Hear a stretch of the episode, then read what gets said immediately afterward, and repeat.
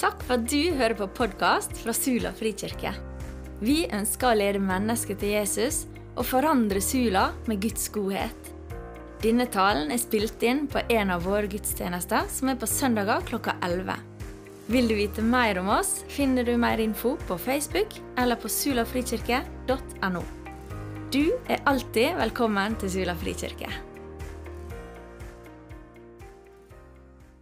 Profeten Daniel, kapittel 1, vers 1-9. I det tredje året av regjeringstiden til Joakim, kongen av Juda, kom Nebukaneser, Babylons konge, til Jerusalem og beleiret byen. Herren overgav, Joakim, kongen av Juda, i hans hånd, sammen med noen av redskapene fra Guds hus. Disse tok han med seg til landet Sinear, til sin Guds hus.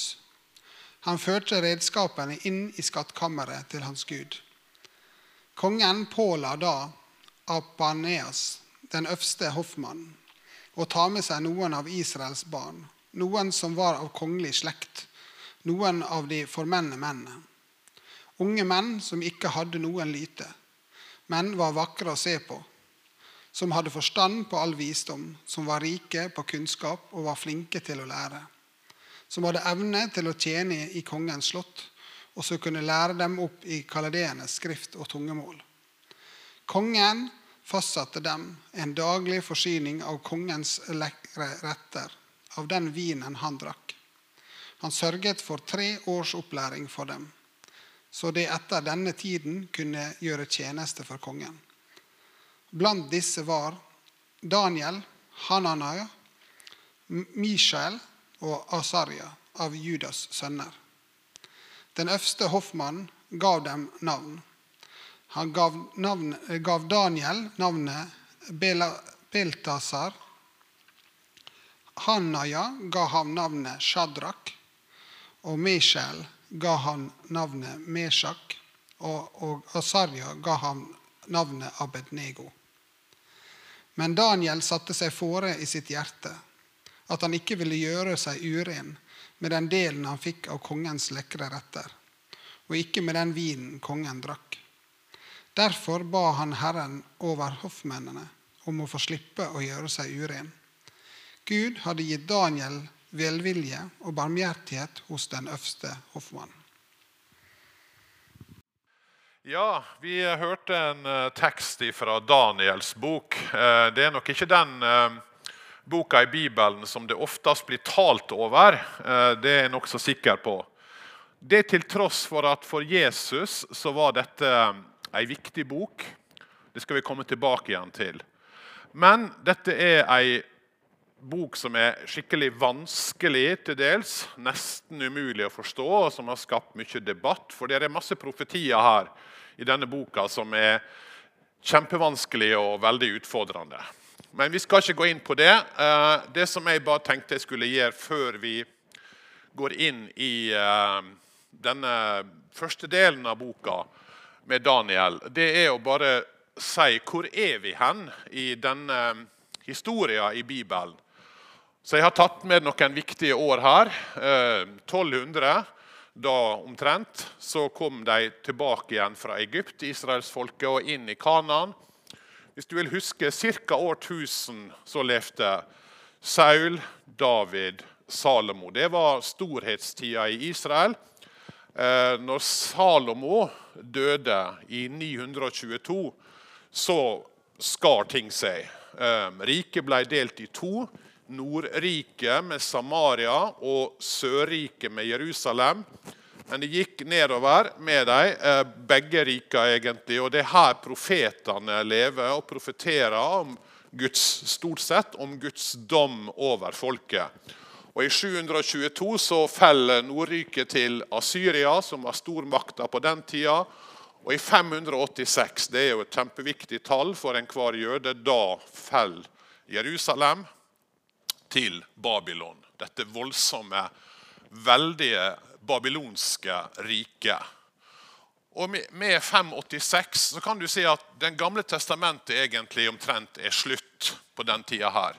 Så det er 500 år med liksom taushet i Bibelen fram til Jesu fødsel. Jeg vil ikke si noe om den perioden, men altså 586.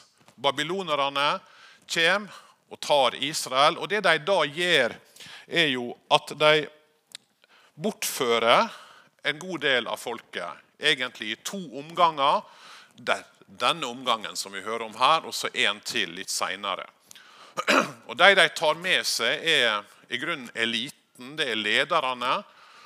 Og blant dem er da også Daniel eh, og hans tre venner, som får nye navn. Og Det er en måte å ydmyke dem på. De hebraiske, jødiske navnene deres forsvinner, og der blir gitt babylonske navn, som er gudenavn, altså babylonske guder. Og De kommer til et nytt land, et nytt språk, en ny kultur og en helt ny religion. Helt ny hva skal jeg si, utfordrende eh, liv i Babylon. Og I denne situasjonen så strever de. Hvordan skal vi holde fast på trua vår? Det er det store spørsmålet i Daniels bok. Hvordan skal vi holde fast på trua i en fremmed kultur, som altså ikke tror på den jødiske Gud? Og Det er her jeg tenker at um, Daniels bok har noe å lære oss. De skal på en måte overleve som truende Jeg strever litt med denne her. Får han opp nok. De skal altså overleve som truende i en fremmed kultur.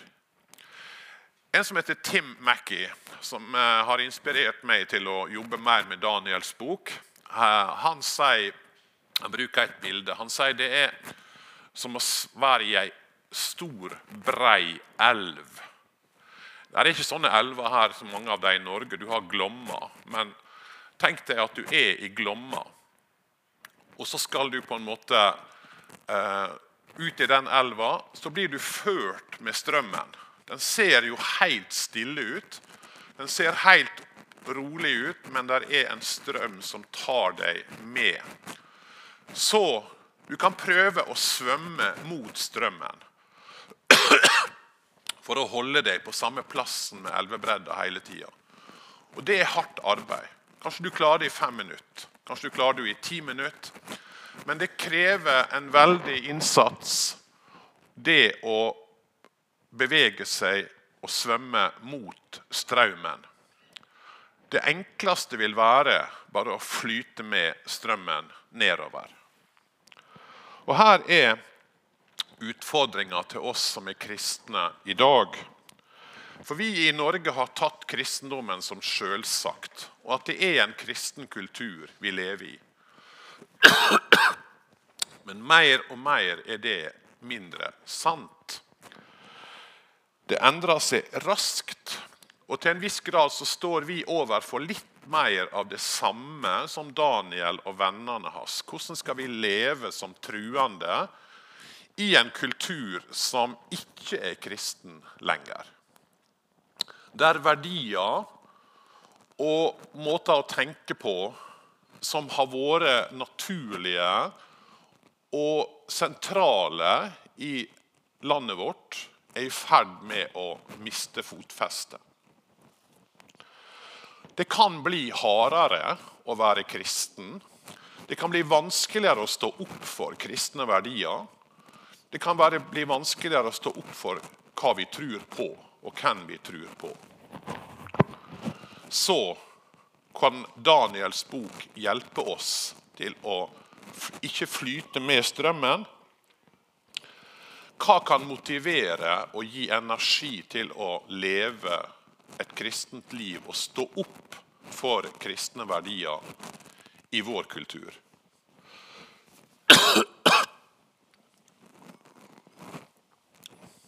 Ja, dere hører at det er litt krevende, dette her.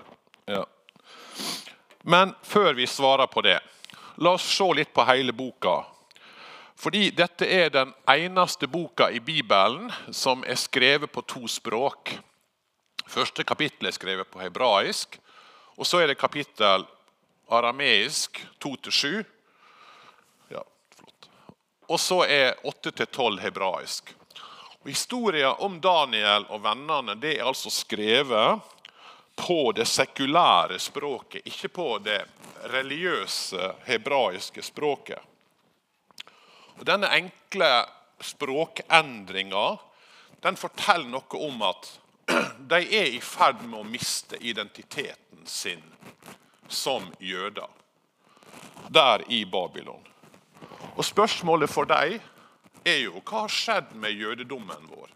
Hva har skjedd med språket vårt, med skikkene våre? Vi er i eksil, vi er i et fremmed land. Har Gud glemt oss? Hva skjer med trua vår og praksisen vår i den trua vi har? Har Gud glemt oss, kan vi svømme mot strømmen. Og så er det én ting til som er spesielt med denne boka. Eller det er flere ting, men en veldig rar ting. Og det er at denne boka er bygd opp eh, på en merkelig måte. Parallellisme kaller vi dette her. Og på litterært så heter dette ei kiasme. Nemlig at du får starta med kapittel 1, en prolog, og slutta med en epilog. Og Så ser dere parallelle kapittel 2 og kapittel 11. Profetier om riket, parallelle. Lidinga for Guds folk, 3 og 10. Og 4-5 og 9b, profetier om kongen sitt fall. Og Så er kapittel 6 lidinga for Guds folk, og 9a lidinga for Guds folk. Og så har du i midten profetier om grufulle dyr. Og Dette heter altså en kiasme. Og Det er et litterært virkemiddel som handler om at den som har skrevet dette, har gjemt noe sentralt midt i. Det er nemlig sånn at i vår vestlige kultur, når vi skal lære noe, så sier vi her er punkt 1, her er punkt 2, her er punkt 3. I en østlig kultur så skriver du for at folk skal oppdage noe. Så en helt annen måte å undervise på i en østlig litteratur, som jo Bibelen er, og vår vestlige måte å undervise på.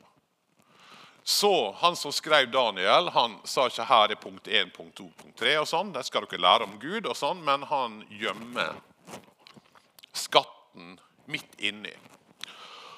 Og hva er skatten da, når du ser på midt i dette her?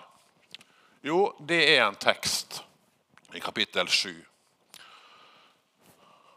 Jeg så i mine nattsyn og sjå med himmelskyene kom det en som var lik en menneskesønn. Han gikk bort mot den gamle av dager og ble ført fram for han. Han fikk herskermakt, ære og rike, så alle folk og nasjoner og tungemål skal tjene han. Hans herskermakt er ei evig makt som ikke skal forgå. Hans rike går aldri til grunne. Og Den store tanken i Daniels bok det er denne midt i lidelse, bortføring, eksil. Et Babylon som ser ut som det skal herske for alltid. Så kommer det en dag, insisterer Daniel. Det skal komme én. Én skal komme. En som er lik en menneskesønn. Og Det gir perspektiv for Daniel og for vennene hans. Der er håp om et annet rike enn det riket vi ser rundt oss her i Babylon. Der er håp om en annen hersker enn Nebukaneser. En dag skal én komme. Og Det er dette som gir Daniel og vennene hans mot til å svømme mot strømmen hele tida. Fordi i kapittel 1 så står de opp mot urein mat. Og vi tenker ja, det er så farlig. For en jøde var det helt avgjørende. Det var en del av hans identitet og hans gudsforhold. I kapittel 3 så står de opp mot å tilbe Nebukaneser. De blir kasta i ildovnen. Og I kapittel seks så står Daniel opp mot å tilbe Darius. og han blir kasta i løvehula. De har midt i alt dette her et håp, og det er sentrum i Daniels bok. Det skal komme én. En dag. Og Vi skal se litt på kapittel to, fordi det kapittelet er nemlig et sånt kapittel som understreker hele den forkynnelsen her. I kapittel to har Nebukaneser en drøm. En ganske voldsom drøm som gjør at han kaller til seg alle spåmenn, alle drømmetydere i hele Babylon, og så sier han til dem Jeg har hatt en grusom drøm. Jeg trenger at dere forklarer meg først hva var det jeg drømte om, og hva betyr det? Og så sier jo stjernetyderne da, lenge leve kongen, fortell tjenerne dine drømmen, så skal vi si det i tydinga. Den er grei, vi skal fikse dette. Men kongen sier, dette er min faste avgjør.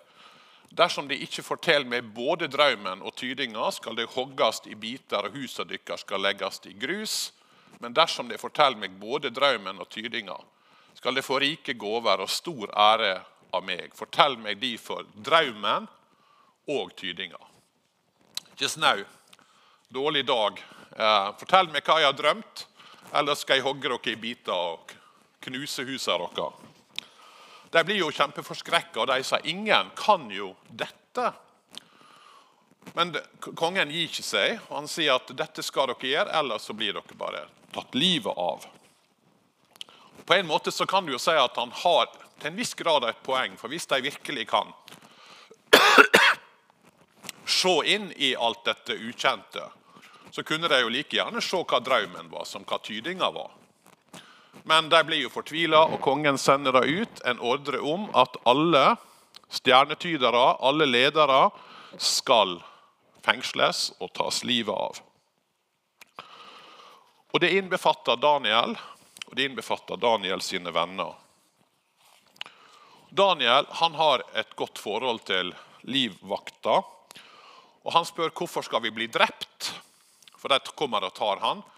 Og Livvakta sier og forteller hva det er, og så sier Daniel la meg få gå til kongen. Og Så går han til kongen og så sier han la meg få, få lov å fortelle drømmen og tydinga. Ok, sier kongen, hvis du klarer det, så er det greit, skal du få leve. Daniel og vennene går, og de ber hele natta til Gud om at de skal få se hva drømmen var, og forstå tydinga. Og de får en åpenbaring fra Gud om drømmen til Nebukaneser og hva tydinga er. Og David lovpriser Gud fordi han er den som er kongenes konge og hersker over alt. Det er han som har all visdom. Det er han som styrer også det vi ikke ser. Denne Nebukaneser var en vond konge, og han hadde enorm makt. Men Daniels bok sier nei, det er ikke Nebukaneser som har all makt. Det er Gud som har all makt. Det er Gud som er den sanne kongen. Og Så går altså Daniel til Nebukaneser og så forteller han drømmen, som er dette. I synet så du en kolossal statue. Han var stor og stråla sterkt. Han sto beint framfor deg og så skremmelig ut. Hovedet på statuen var av fint gull, brystet og armene av sølv. Magen og hoftene av bronse, beina var av jern og føttene dels av jern, dels av leire. Dere legger merke til hvor den går nedover i kvalitet. Medan du så på, ble en stein reven løs, men uten at noe hand rørte ved han. Og han råka statuen på føttene, som var av jern og leire, og krasa dem. Da gikk det i sund alt sammen, både jernet og leira, bronsen, sølvet og gullet. Det ble som agner fra terskjevollen om sommeren. Vinden tok det, og det fantes ikke mer. Men steinen som hadde råka statuen, ble til et stort fjell som fylte hele jorda. En voldsom drøm, og det var den drømmen Nebukaneser hadde hatt. Og Så tolker Daniel drømmen og sier at hodet av eh, gull, det er du, Nebukaneser. Det er din eh, Det er ditt kongedømme. Men det burde jo gjøre Nebukaneser glad, men etter deg så kommer det dårligere og andre og svakere og svakere. Til slutt blir alt ødelagt. Og Gud vil sette opp sitt rike, sitt kongedømme, som varer for evig. Og Nebukaneser han kaster seg ned og han sier dette her er sannelig dykker Gud er over alle guder og herre over alle konger. Hva har dette med oss å gjøre? Jo, i Babylon, hvem er det som rår? Hvem er det som bestemmer? Jo, det er Nebukaneser. Men det Daniel forstår, og Daniel og vennene forstår Selv om Nebukaneser er mektig, så er ikke han verdens konge. Det er Gud. Gud har gitt Nebukaneser ansvar han har gitt han makt. Men det er et ansvar som han skal stå til ansvar for. Og dette kongedømmet ditt, det skal falle, sier Daniel. Du er ikke Gud, er det Daniel egentlig sier til Nebukaneser. Det er Gud som er Gud, det er ikke du. Du skal ikke være her så lenge. Her er en slags nedadgående, nedadgående trend her. Og Det som gir håp til Daniel og vennene hans, det er at det som ser så mektig ut, det som ser så fantastisk ut, og det som ser så voldsomt ut, skal ikke vare evig. Gud er historiens herre. Også når det ser ut som Jerusalem har falt, folket er bortført, så er Gud historiens herre. Guds folk kan dermed stå støtt i møte med motgang og lidinger. Stå støtt i det å motstå og bøye seg for en ateistisk kultur som sier at Gud og Guds ord det er ikke noe å bry seg med. Stå støtt i det å ikke bøye seg for andre guder. Daniel lover Guds nærvær og Guds hjelp, også i en situasjon der det ser ut som Babylon har fullstendig tatt makta. Så sterke som de ser ut, de vil mislykkes og de vil falle, sier Daniel. Ett etter ett av disse kongedømmene vil falle. Vår sanne identitet er ikke den verden vi lever i, men vår sanne identitet er i Gud. Det er Han vi kan sette vår lit til, ikke til politikere eller konger eller andre, bare til Gud. Hva så med denne steinen som vi leste om her? Ja, det er jo en merkelig stein. Den vokser til et stort fjell. Og Det Daniel sier, Guds rike skal komme, knuse alle disse rika. Og så skal Guds rike stå fram i sin velde og i sin makt. Når Jesus kom, så kom han og han brukte Daniels bok mange, mange ganger. Ingen har steget opp til himmelen, sier han i Johannes 3, uten han som steg ned fra himmelen, menneskesønnen som er i himmelen. Og Slik Moses løfter opp ormen i øydemarka, slik må menneskesønnen løftes opp. Så hver den som tror på Han, skal ha evig liv. Og Matteus 5. Men når menneskesonen kommer i sin herligdom og englene med han, da skal han sitte på trona i sin herligdom. Og så Når han blir ført fram for øverste presten, så spør han jo er du Messias, er du sønn til den velsigna. Jesus svarer, det er jeg. det skal få se menneskesonen sitte ved høyrehanda til den mektige og komme med himmelskyene. Da reiv øverstepresten sunn kappa si og sa, hva skal vi med flere vitner? De har hørt hvordan han spotter Gud. Hva mener de? Og alle var enige om at han skal skyldig til å dø. Hva tenkte Jesus? Jo, han sa Guds rike er kommet. Det var det han forkynte når han kom. Men det skjer på en annen måte enn det dere tror. Det skjer ikke med vold, det skjer ikke med makt. Det skjer ikke med at Jesus kom og kasta romerne ut av Israel. Jesus sier jo sjøl dette har jeg sagt dykk, så dere skal ha fred i meg. I verden har det trengsler, men vær frimodige. Jeg har sigra over verden. Men hva slags siger er det Jesus har? Han sier jo dette, og så blir han tatt til fange, så blir han piska, og så blir han hengt på et kors og drept.